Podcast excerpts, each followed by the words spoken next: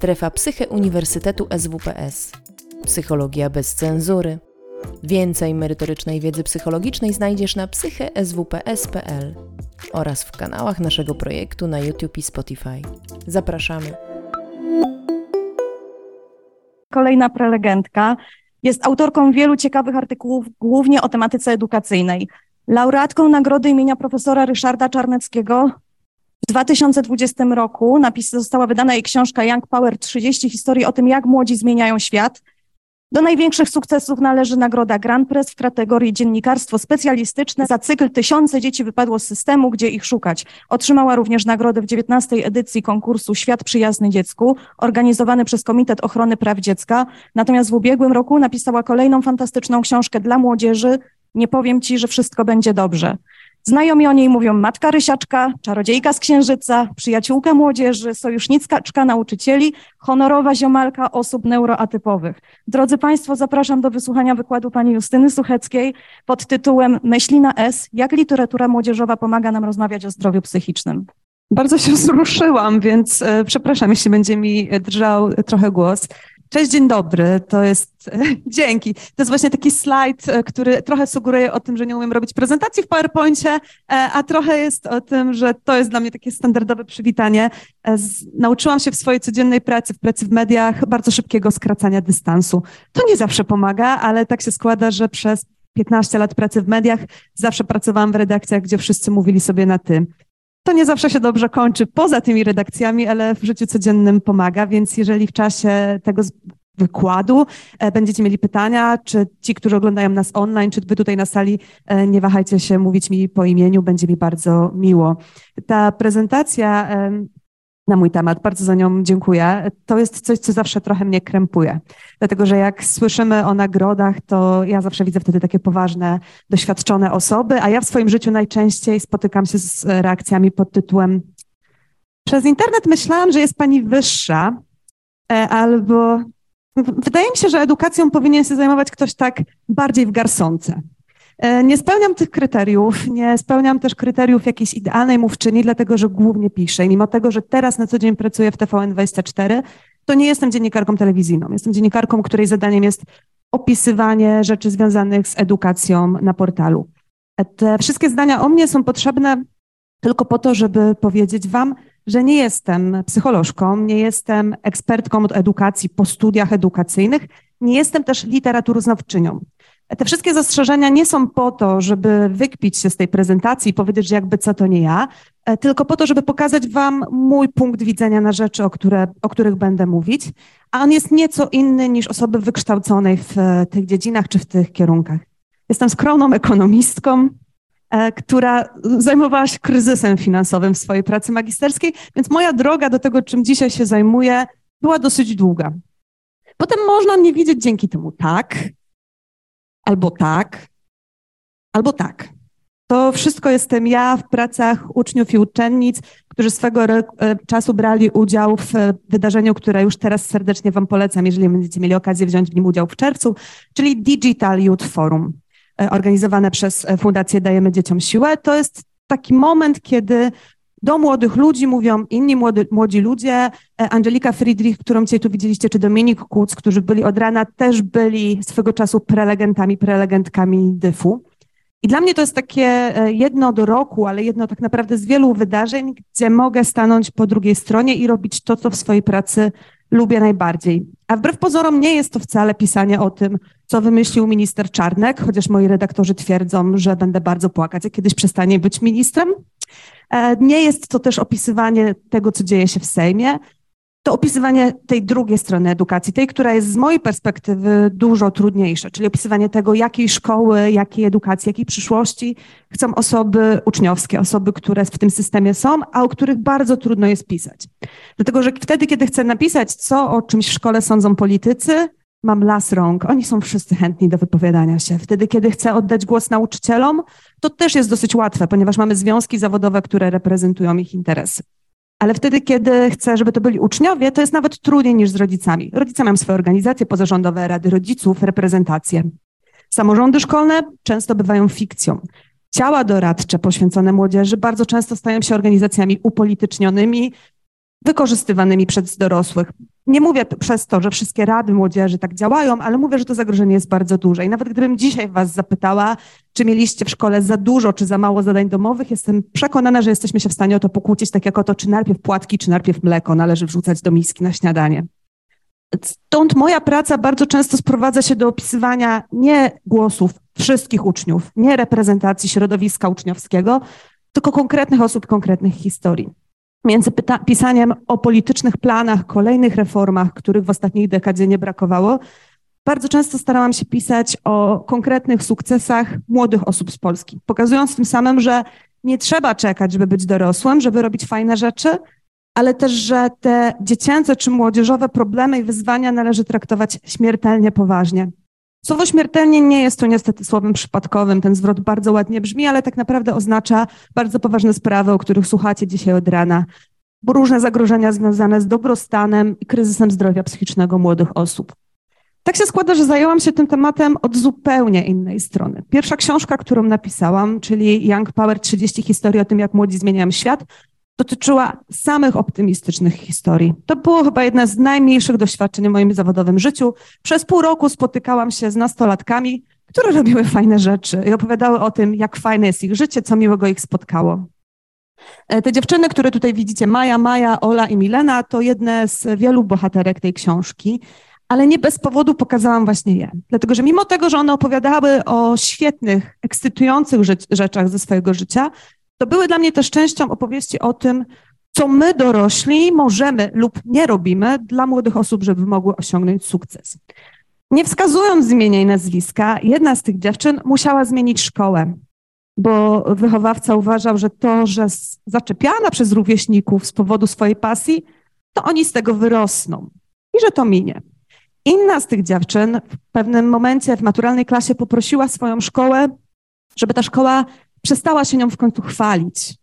Nie dlatego, że y, wstydziła się tej szkoły, była z niej bardzo dumna, tylko w tym samym czasie, kiedy robiła rzeczy, którymi szkoła się chwaliła, startowała w konkursach, robiła projekty społeczne, od swoich nauczycieli słyszała, że to wszystko jest bez sensu, bo jak ona będzie robić te wszystkie rzeczy, to nie zna matury z chemii tak dobrze, jak powinna i obniży średnią szkołę. Więc stanęła w takim rozkroku. Z jednej strony jesteście ze mnie dumni, chcecie, żebym to robiła, a z drugiej te same osoby mówią, to nie jest dość ważne. My wiemy, co jest dla ciebie ważniejsze.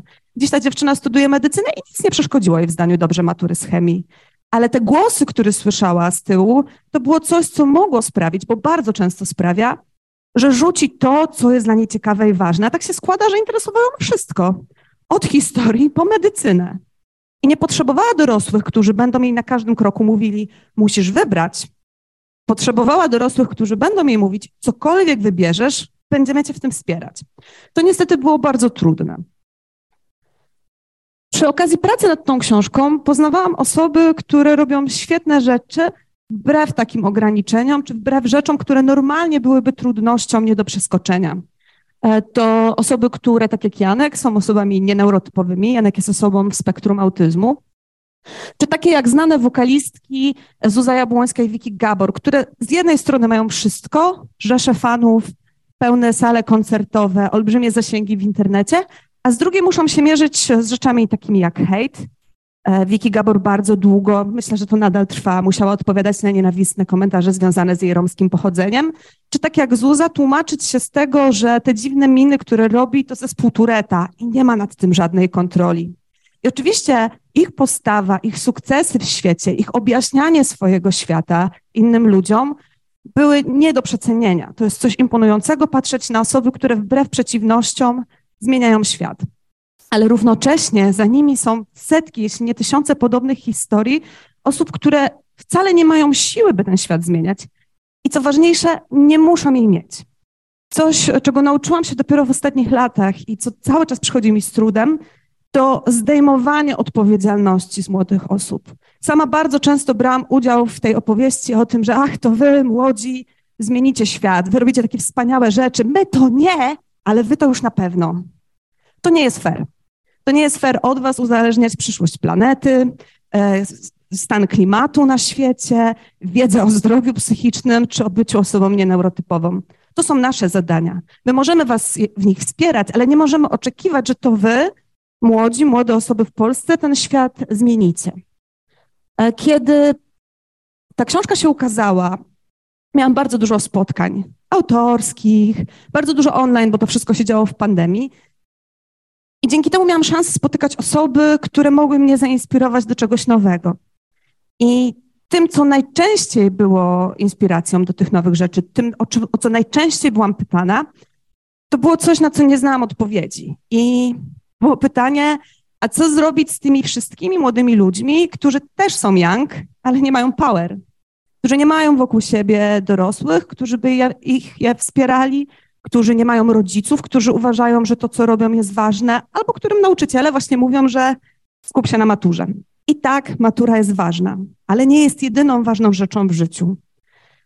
Nie znałam odpowiedzi na to pytanie. To znaczy, miałam tę intuicję, którą ma wielu z nas. Trzeba wspierać, trzeba słuchać, trzeba pomagać, ale co to właściwie znaczy? Nie miałam pojęcia. I tak zaczęłam pracować e, nad drugą książką, nad książką o zdrowiu psychicznym skierowaną do nastolatków, nad Nie powiem ci, że wszystko będzie dobrze. Miałam bardzo duże szczęście, bo właśnie na tym etapie tych pytań, na które nie znałam odpowiedzi, e, poznałam Angelikę, która dzisiaj opowiadała wam o nastoletnim azylu i tak naprawdę od naszej rozmowy o tym, jak się szykuje do matury zdalnie, dowiedziałam się, że to ona robi te wszystkie rzeczy, ona i wiele jej podobnych osób, na które my dorośli nie mamy czasu, przestrzeni odpowiedzi. Bardzo często, bo oczywiście nie jest tak, że nikt dorosły się tym nie zajmuje, ale że temat zdrowia psychicznego jest dużo bardziej zaopiekowany przez tych na dole niż przez tych na górze. To znaczy przez ministrów, polityków, e, osoby, które mają wpływ. Im dłużej jeździłam z tą książką na spotkania takie jak to z Świadomym Klubem Młodzieży we Włocławku, uczyłam się nowych rzeczy, jak widać nie zawsze w wielkim stylu, tym mocniej wiedziałam, że następna książka, którą napiszę, musi być próbą odpowiedzi na to pytanie, ale nie taką prostą właśnie trzeba pomagać albo trzeba słuchać, bo nie ma prostych rozwiązań na trudne problemy i nie należy ich oczekiwać.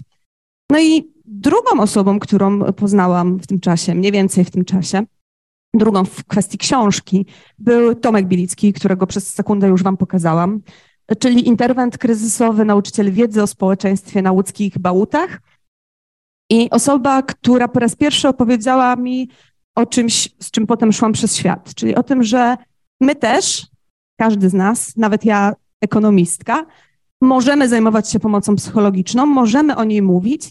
Nie musimy być do tego instytutem psychoterapii, nie musimy być profesorem z tego zakresu, przy czym musimy być tego świadomi, że nie, nie, nie będziemy wiedzieć wszystkiego, ale że z pierwszą pomocą psychologiczną jest trochę tak jak z pierwszą pomocą medyczną.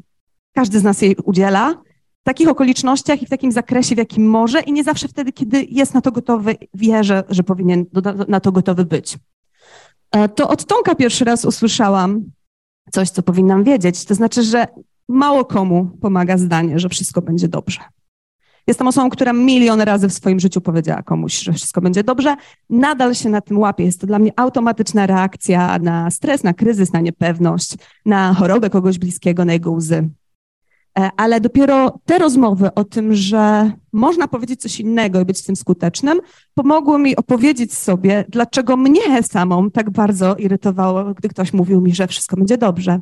Bo kiedy sama cierpiałam na zaburzenia zdrowia psychicznego, kiedy przez wiele miesięcy nie spałam i ktoś mi mówił, że wystarczy się wcześniej położyć i że wszystko będzie dobrze, to miałam ochotę powiedzieć, hej, to znaczy, że w ogóle nie rozumiesz, co do ciebie mówię. Ja nie śpię od ośmiu miesięcy.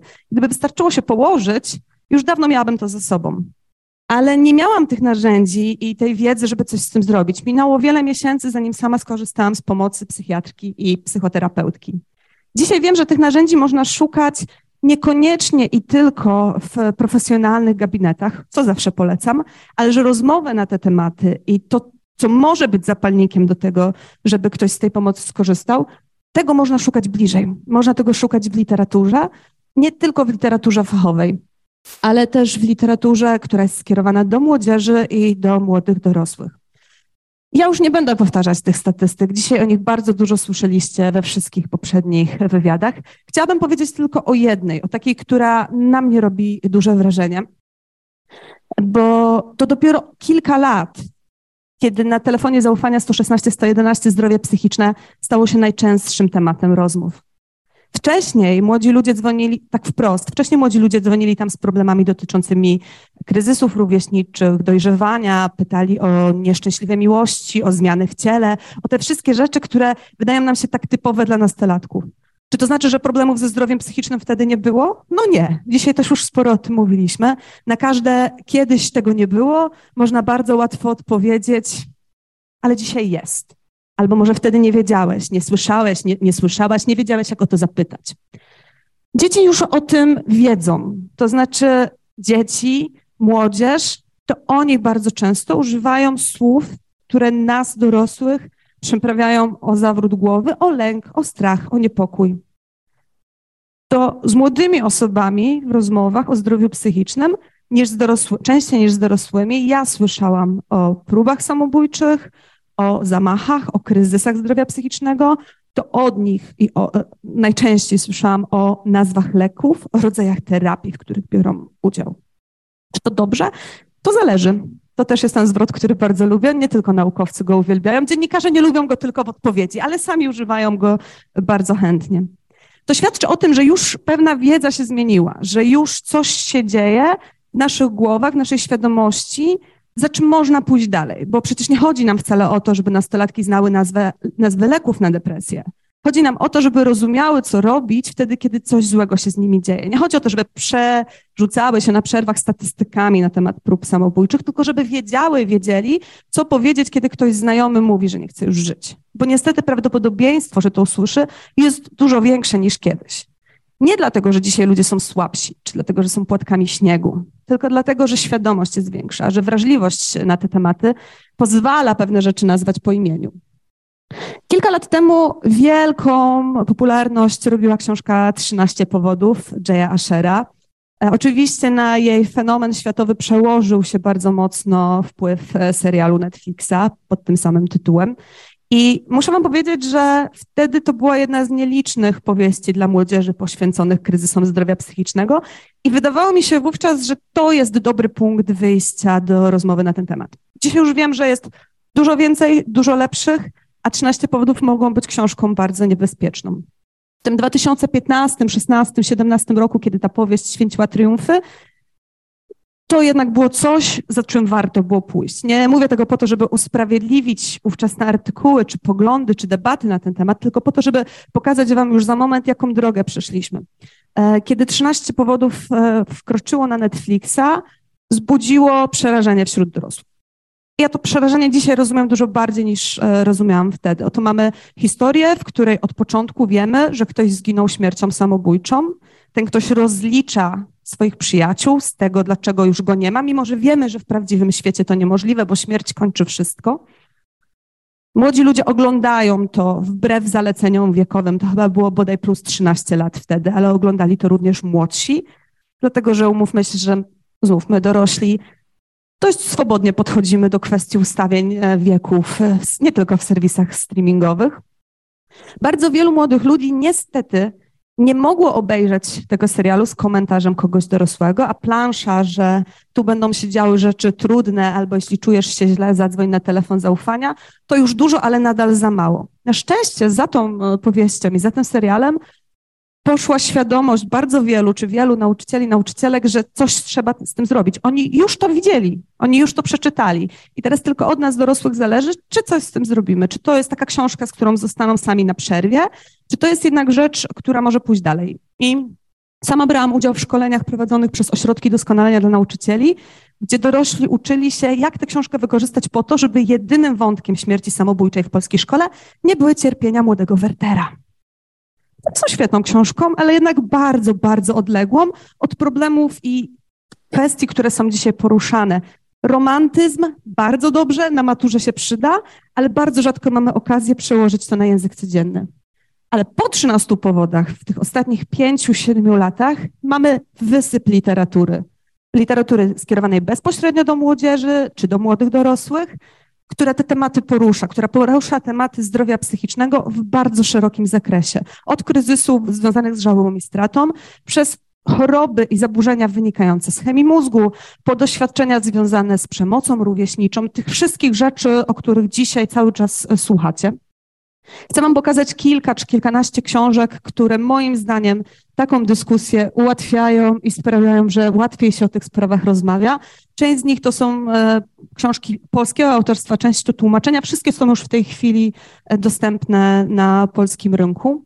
Nie chcę ich wartościować, to nie będzie lista pod tytułem o to koniecznie musicie, a to na pewno nie. To są raczej rzeczy, które mogą pomóc Wam wywołać różne dyskusje w różnych tematach. E, wszystkie te książki czytałam jako 35-latka lub 30-latka plus, bo oczywiście kilka z nich czytałam już e, parę lat temu. I w większości uważam, że są e, bardzo dobrymi lekturami dla dorosłych, bo trochę to, o czym mówiła Angelika, czyli dlaczego nie mówić ESA, jest tak naprawdę opowieścią o tym, że nie musimy używać języka młodzieży, czy nie musimy uważać, że How to Make Friends with the Dark to najlepsza książka na świecie, ale znając jej treść, dużo łatwiej, czy rozumiejąc, co znaczy ESA, korzystając z tej metafory, dużo łatwiej będzie nam tę rozmowę nawiązać. To z tych książek można się dowiedzieć, że słowa, myśl, że ten zwrot myśli samobójcze to jest zwrot, którego młodzi ludzie używają. Czasem mówią o myślach na S, tak jak ja w tytule tej książki, czasem mówią, że nie chce im się żyć, czasem, że życie nie ma sensu. I to, co my powinniśmy wiedzieć, to, że są sposoby na to, jak na to zareagować, i że w tych powieściach bardzo często te sposoby są pokazane dobrze. To znaczy nie obowiązuje wtedy tajemnica. Trzeba powiadomić kogoś innego o tym, że coś się dzieje. Można, i to jest bardzo ważne, wprost zapytać, czy ktoś ma myśli samobójcze. I to wszystko nie powinno nas przerażać.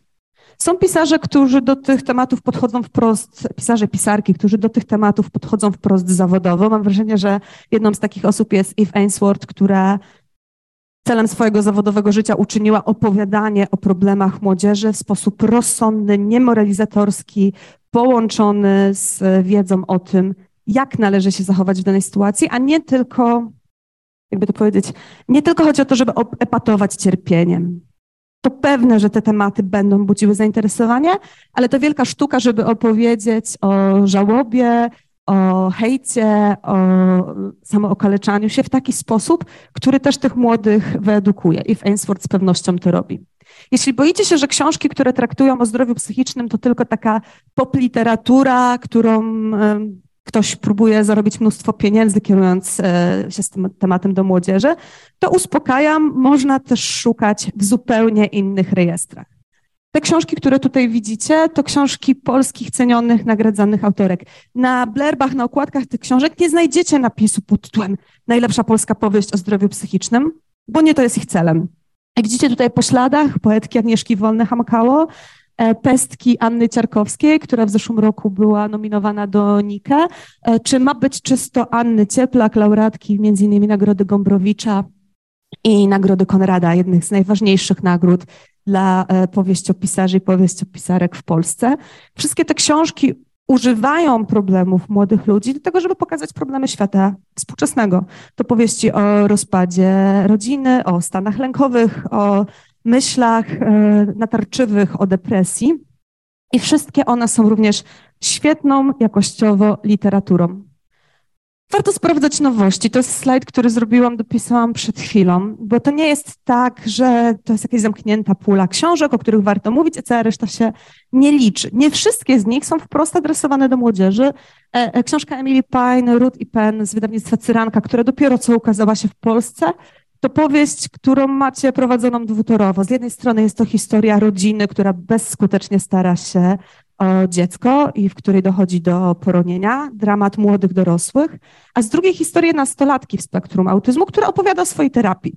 Ci bohaterowie gdzieś tam się przecinają, tak jak gdzieś tam przecinają się w prawdziwym życiu. Opowieść o zdrowiu psychicznym nie musi być łopatologicznym wykładem o tym, jak należy postępować, a jak nie należy postępować. Może być naturalną opowieścią o życiu każdego z nas, tak jak dla mnie naturalną opowieścią jest opowiadanie Wam dzisiaj tutaj, bez już dodatkowej tremy, że kiedyś miałam problemy ze snem i brałam leki psychiatryczne. To nie musi być e, wielkie wyznanie, to nie musi wymagać coming outu, to może być po prostu część historii. To jest coś, co sprawia, że dużo łatwiej nam o tych rzeczach rozmawiać. E, I Was Born for This to jest książka, która ukaże się w przyszłym miesiącu, ale miałam przyjemność już ją czytać, dlatego że ona się w Wielkiej Brytanii ukazała już parę lat temu. To książka e, Alice Osman, która jest moim zdaniem w tej chwili najlepszą autorką książek dla młodych dorosłych, być może nawet na świecie. bo świetnie i sprawnie odnajduje się w opowieściach na ten temat. A książka Wychowanie przy ekranie, która ukaże się za tydzień, książka Magdy Bigaj, to nawet nie jest książka skierowana do młodzieży. To jest książka skierowana do dorosłych, do rodziców. Opowiada o higienie cyfrowej, o uzależnieniu od e, ekranów, o czasie, e, który spędzamy przed e, telefonem. I tym samym opowiada o zdrowiu psychicznym. I nie jest taką książką, w której ktoś rozsiada się i mówi: Możesz korzystać z telefonu tylko przez godzinę dziennie, a jak nie, to jesteś do niczego. Nie jest książką, która będzie Wam mówiła, że internet to zło. To bardziej zaproszenie do tego, żeby usiąść razem na kanapie i zastanowić się, dlaczego teraz, kiedy mój telefon leży tam, mój mózg cały czas wysyła niebezpieczne sygnały i czuje się w zagrożeniu. I to książka, która też może ułatwić rozmowę. Jeden z tematów, e, które bardzo mocno związane są ze zdrowiem psychicznym, dosyć trudno się o tym e, rozmawia w Polsce, jest oczywiście tematyka LGBTQ.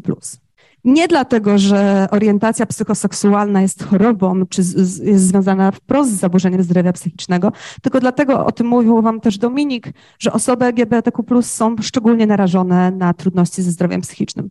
To choćby przez e, wyobcowanie, przez odcinanie o grupy, przez hejt, przez mowę nienawiści, przez zachowania polityków i polityczek.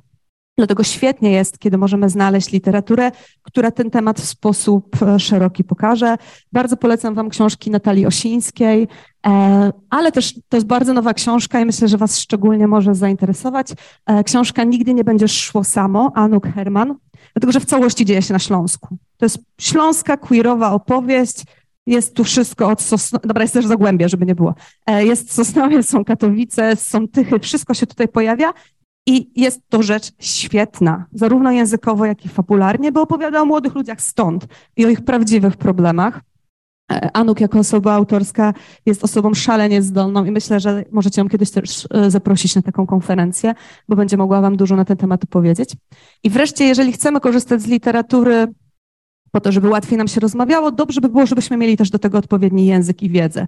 I tak, jeśli mamy wychowanie przy ekranie, o którym mówiłam Wam przed chwilą, tak w kwestii społeczności LGBTQ, czy trudności związanych z tożsamością płciową, bardzo polecam książkę Mów o mnie ono. To książka e, dwóch reporterek, które postanowiły sprawdzić z ciekawością socjologiczną, co takiego się dzieje, czego nasze pokolenie nie rozumie, co związane jest bardzo mocno z płcią i z tym, że świat przestał być binarny. To bardzo trudny temat, temat wciąż analizowany pod kątem naukowym, ale temat, w którym my dorośli możemy mówić coś innego niż że kiedyś tego nie było. I ta książka na pewno bardzo mocno w tym pomaga. E, dlaczego to warto wiedzieć? No, niestety to znów są statystyki. E, ponad połowa nastoletnich osób LGBTQ mierzy się z objawami depresji, a nawet 70% z nich ma myśli samobójcze. Dlatego ten temat, moim zdaniem, e, wymaga szczególnego zaopiekowania. Można go też opiekować, tak jak cały temat zdrowia psychicznego, pokazując, że może być inaczej. Książki o zdrowiu psychicznym nie muszą być opowieścią o koszmarze, traumie i nieszczęściu. Mogą być opowieścią o tym, że da się z tego wyjść, że życie może być lepsze, że świat nie musi być zły i że nie wszystko jest jeszcze skończone. E, Hardstopera pewnie nie muszę wam e, przedstawiać, zarówno komiks, jak i serial. To jest właśnie opowieść o tym, że może być inaczej. Tam bohaterowie, bohaterki też przeżywają prawdziwe dramaty, ale na koniec wszyscy mogą być szczęśliwi. I nie dlatego, że to bajka o tym, że wszyscy mogą być szczęśliwi, tylko że w prawdziwym życiu też tak jest. E, druga powieść graficzna, którą macie tutaj obok, to też jest rzecz nowa, Klub Samotnych Duchów. To jest książka na 45 minut czytania. Może godzinę, jak będziecie bardziej przeglądać się szczegółowo obrazkom.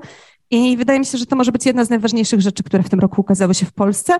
To jest historia jednego umiarkowanie udanego wyjścia na imprezę.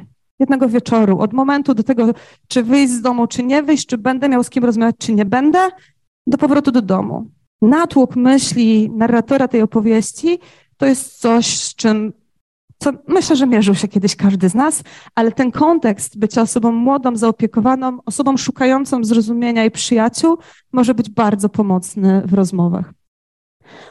Czy na pewno powinniśmy się zajmować i podsuwać młodzieży takie książki? Zawsze z pomocą przychodzi mi wtedy książka, którą w Polsce czytają dwunastolatki i moim zdaniem jest dużo bardziej dramatyczna niż wszystkie, o których wam teraz opowiedziałam. E, ktoś z was czytał My dzieci z dworca Zoo? A w której byliście klasie? Czwartej, szóstej, nie? Tak, więc y, historia y, przemocy seksualnej, heroiny, y, no, po prostu tam jest wszystko i wszystko jest źle i jest strasznie i w ogóle ten film, mama mi go pozwoliła obejrzeć, jak też byłam nastolatką, śnił mi się po nocach przez lata. Wiem, że e, zrobiono teraz nową wersję Dzieci z dworca Zoe, ona jest ładna i kolorowa, ale jakby co do zasady wszyscy wiemy, że to jest e, straszna opowieść. Zresztą e, Pamiętniki Narkomanki, czyli polska odpowiedź na ten fenomen, też nie jest historią usłaną różami i, i lukrowaną, a jednak nie przeszkadza nam, że młodzi ludzie to czytają, czy nie przeszkadza nam tak bardzo. Bo trochę się już przyzwyczailiśmy, bo trochę już znamy tę opowieść i trochę też, i myślę, że to jest najgorsze, zapominamy, że świat narkotyków już tak nie wygląda. Że już się nie ogląda na, tak czy nie tak często, nie ogląda się strzykawek porzuconych na klatkach schodowych, e, nie można zobaczyć osoby, która daje sobie w żyłę na dworcu centralnym. To wszystko jest rzeczywistość jeszcze sprzed kilkunastu lat. Dzisiaj to, co jest naszym problemem związanych z narkotykami, no to przecież te substancje, które niestety każdy z nas może zażyć w swoim domu i które nawet nie wzbudzają niepokoju. Blister leku wrzucony e, w szufladzie w samochodzie nie sprawia, że wtedy, kiedy policja nas zatrzyma, powie, o nie, nie, to narkomanie, tutaj jest jakiś problem. Przechodzimy wobec tego obojętnie i neutralnie, to nie jest dla nas sygnał SOS, tu coś się dzieje. I tu znów na każdą opowieść na ten temat chciałabym Wam podrzucać coś, co może nam dostarczać wiedzy i w tej kwestii bardzo polecam książkę Highland, Jak ćpają nasze dzieci, Marii Banaszak i Agaty Jankowskiej. E, pani Maria jest wieloletnią pracownicą Monaru.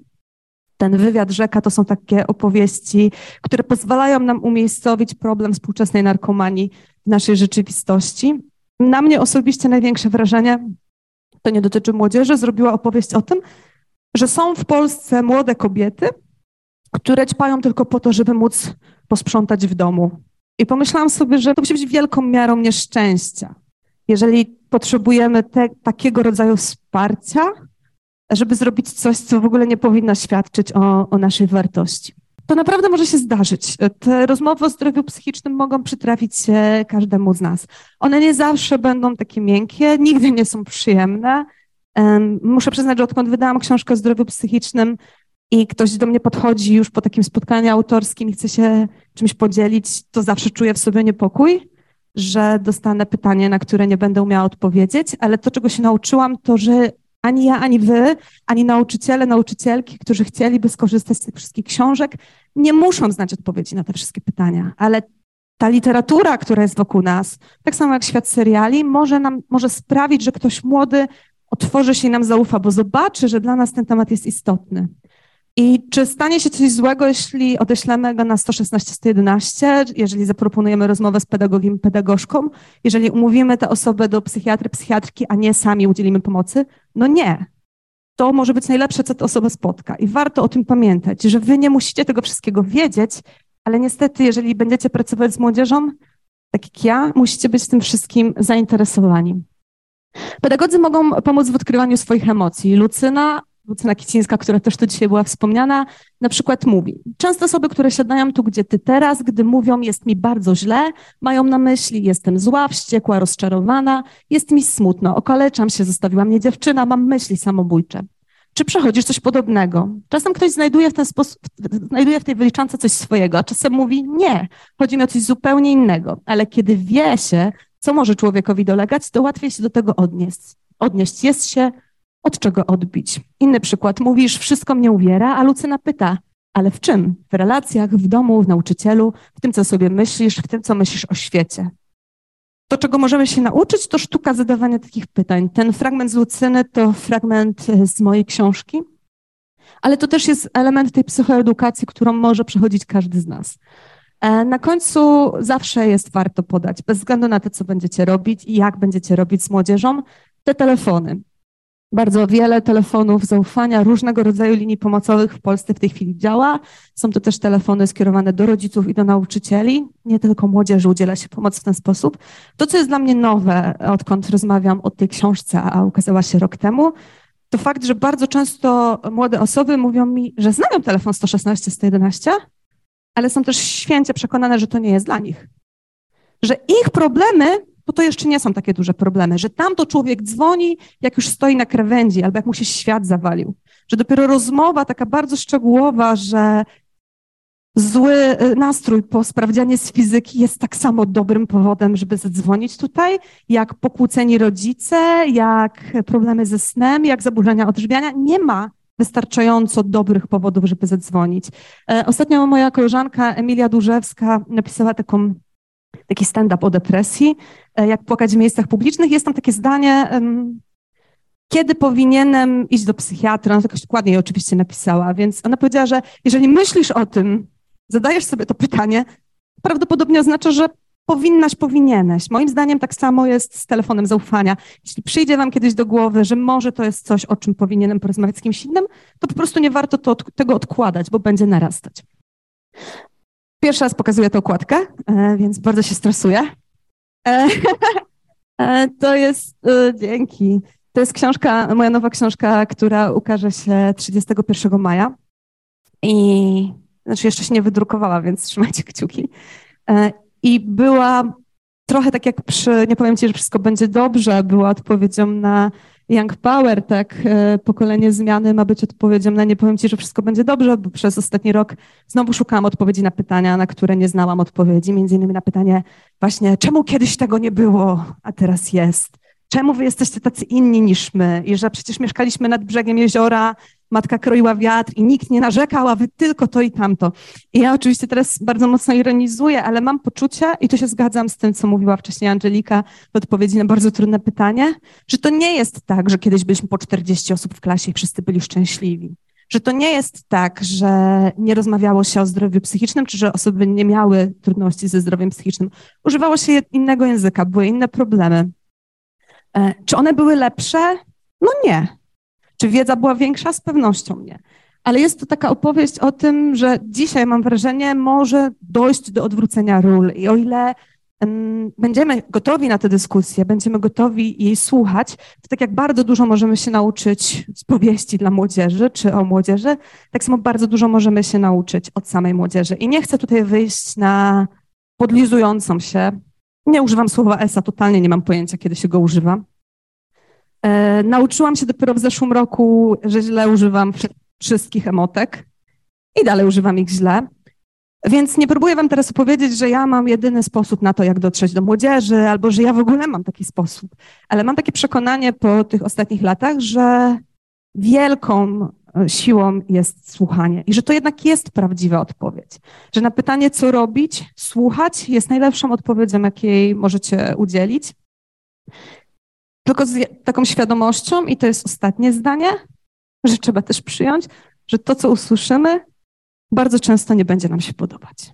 I nie będziemy tego rozumieć, i nie będziemy uważać, że to jest fajne, i że przeczytamy te książki, które Wam poleciłam, pomyślicie sobie, Jezu, to był mój czas, czemu go na to poświęciłam, ale może też pojawi wam, wam się taka myśl, że tak jak teraz do, do, do tych z Was, którzy są na studiach, chciałabym z nią zostać, że wy też, nie chcę was martwić, bardzo szybko zapomnicie, jak to jest być młodzieżą, że wam też zaczną się pojawiać takie myśli, że kiedyś tego nie było, albo kiedyś to były problemy. To przychodzi zaskakująco szybko, wiem po sobie, więc to, czego chciałabym wam życzyć, to żeby wam szybciej niż nam zapaliła się wtedy ta lampka, że aha, to już, nie chcę tam być. E, I dziękuję wam bardzo. Bardzo, bardzo dziękujemy. Bardzo chętnie jeszcze chwileczkę e, zatrzymamy. Czy Pani zdaniem literatura może mieć wpływ na postawy i zachowania młodych ludzi? Jeśli tak, to w jaki sposób? To jest dobre pytanie, bo pewnie trochę zależy od tego, jakbyśmy, kto je zadaje, ale też oczywiście kto odpowiada, bo możemy na to patrzeć w dwojaki sposób. Na pewno zdarzyło Wam się usłyszeć argumenty w stylu to taka moda, albo naoglądali się w serialach na Netflixie, albo gdyby nie euforia, to byłby święty spokój. Tam bardzo różnie są oczywiście te myśli wyrażone. I z jednej strony, oczywiście, ja rozumiem te głosy wynikające ze strachu, czasem niezrozumienia, z niewiary w to, że rzeczy zachodzą czasem po prostu, ale z drugiej strony myślę sobie, że tak, że popkultura, czy seriale, czy literatura ma wielki wpływ na to, jak się do siebie odzywamy, jak nazywamy rzeczy, czy znajdujemy odwagę, żeby o tych rzeczach mówić to przecież nie jest tak, że kiedyś było mniej osób nieneurotypowych, czy mniej osób nieheteronormatywnych. mogło być tak, że te osoby przez lata nie znajdowały języka czy przestrzeni, żeby o tym powiedzieć. Zawsze sobie myślę o takiej sytuacji. E, jestem z małej miejscowości siedmiotysięcznej na zachodzie Polski. Mieszkałam tam do 18 roku życia, 19 do matury. Nie poznałam tam ani jednej osoby nieheteronormatywnej. 7 tysięcy mieszkańców. To jest niemożliwe, że tam nie było nikogo, kto określałby się inaczej niż jako osoba heteroseksualna. Moja mama, pamiętam jak poznała, to nie będzie jakaś wielka historia autująca, jak poznała Przemka Steronia, to powiedziałam, Justyna, to jest pierwszy gej, jakiego poznałam, on jest super. I to nie jest opowieść o tym, że ona wcześniej była homofobką. To jest opowieść o tym, i, i też nie o tym, że, że Przemka nie było przez poprzednie 30 lat życia. Tylko, że czasem to, co się zadziewa w kulturze, to jest jedyny sposób, w jaki możemy mieć do czynienia z kimś innym czy obcym, odmiennym od nas, o innym światopoglądzie, o innym wyglądzie, o innym wyznaniu, pochodzeniu. Więc w tym sensie mam wrażenie, że ta literatura i, i też e, popkultura szeroko rozumiana, seriale TikTok, e, Discord, że one kreują rzeczywistość nie wymyślając ją na nowo, tylko dając przestrzeń na to, żeby na nowo pewne tematy opowiedzieć. Dziękujemy bardzo. Jest jeszcze pytanie, e, czy orientujesz się, w jakich środowiskach najtrudniej jest rozmawiać na temat e, zdrowia psychicznego i, i, i na temat pomocy? Mam wrażenie, że najtrudniej o zdrowiu psychicznym rozmawia się z rodzicami najmłodszych dzieci. To znaczy, że tam, kiedy mamy już do czynienia z nastolatkami, z osobami nastoletnimi, e, to ta wiedza jest już dosyć duża, że to też jest trochę tak, że nawet jak ktoś nie chce czegoś nazwać kryzysem zdrowia psychicznego, to sobie znajdzie inną, wygodną formułę typu e, nastoletni bunt, e, okres dorastania, to tylko dojrzewanie, to hormony. I nieważne, jak to nazwiemy, efekty mogą być korzystne. A w przypadku młodszych dzieci i różnych trudności związanych z byciem osobą, na przykład nieneurotypową, to niestety jeszcze cały czas jest tak, że to często słyszę od nauczycieli, że oni mówią rodzicowi, że podejrzewam, że pana, pana, pani dziecko może być w spektrum, a rodzice mówią, pani mi nie będzie wymyślać, pani mi nie będzie wydziwiać, ja najlepiej znam swoje dziecko, nikt mi nie będzie wymawiał e, zaburzeń i tak dalej, i tak. I myślę, że to jest bardzo trudne, bo oczywiście z jednej strony ta świadomość rośnie, ale z drugiej jest jeszcze cały czas mnóstwo takich środowisk, w których rozmawianie w ogóle o, o zdrowiu psychicznym, ale też o po prostu o mózgu, e, no jest jakimś takim tematem tabu. E, I, I, mam wrażenie, że to jest jakieś takie uderzające. W tej mojej książce o zdrowiu psychicznym jest taki wywiad e, z psychiatrą dziecięcym, dziecięcym młodzieżowym, Krzyśkiem Szwajcą z Krakowa i on na przykład mówi o tym, że on bardzo ubolewa, że tak rzadko przychodzą do niego rodzice kilkulatków. I to brzmi przerażająco, bo co ma robić sześciolatek u psychiatry? od razu się otwiera taki lęk, obawa, że takie stygmatyzowanie, ale właśnie być może nie, być może to jest właśnie ten moment dla wielu dzieci, żeby uniknąć problemów w przyszłości. I to dla mnie też jest trudne, jeszcze cały czas nie, nie umiem o tym jakoś opowiadać, mimo że się zajmuję opowiadaniem historii i mam wrażenie, że tu jest największa praca do wykonania i trochę jest tak, że super dużo warsztatów dla młodzieży, super dużo dla nauczycieli w tym temacie, a bardzo mało dla rodziców. I to jest wielkie wyzwanie. Mogę jeszcze jedno pytanie? Dziękuję. Ja strasznie dużo gadam, widzicie? Pytanie z czatu brzmi, jakie są Twoje dalsze plany na pisanie? Nie żebyśmy popędzali, e, ale też na taką działalność edukacyjną. Chciałam użyć słowa piszę, ale to byłoby pewne nadużycie. Podpisałam umowę, nie? To już wiecie, to już prawie jakbym pisała. E, powieść dla młodzieży. Chcę napisać, po, znaczy dla młodzieży. Myślę, że ona będzie taka dla, dla nastolatków i wzwyż. E, dlatego że właśnie to obcowanie z tą literaturą e, bardzo mocno mi pokazuje, że dużo fajnych edukacyjnych rzeczy można zrobić prostu wykorzystując do tego literatura. I bardzo bym chciała spróbować. Totalnie nie wiem, czy to umiem. Może się nie uda, może będzie tak, że jak mnie spotkacie za rok i to napiszę, to powiecie, że trzeba było zostać przy tych reportażach.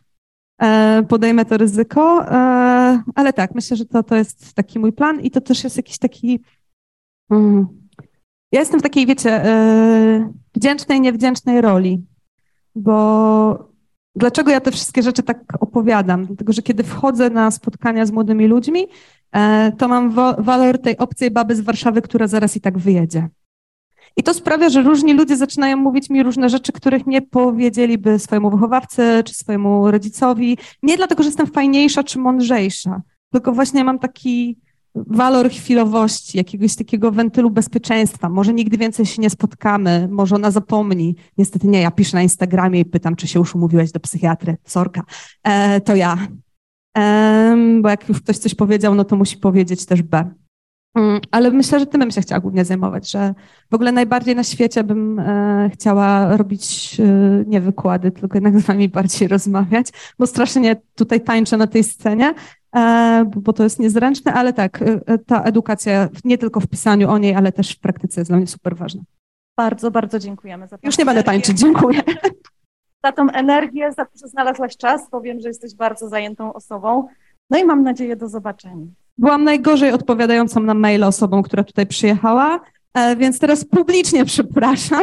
Wyrażam wielką wdzięczność za zaproszenie mimo to. Thank you.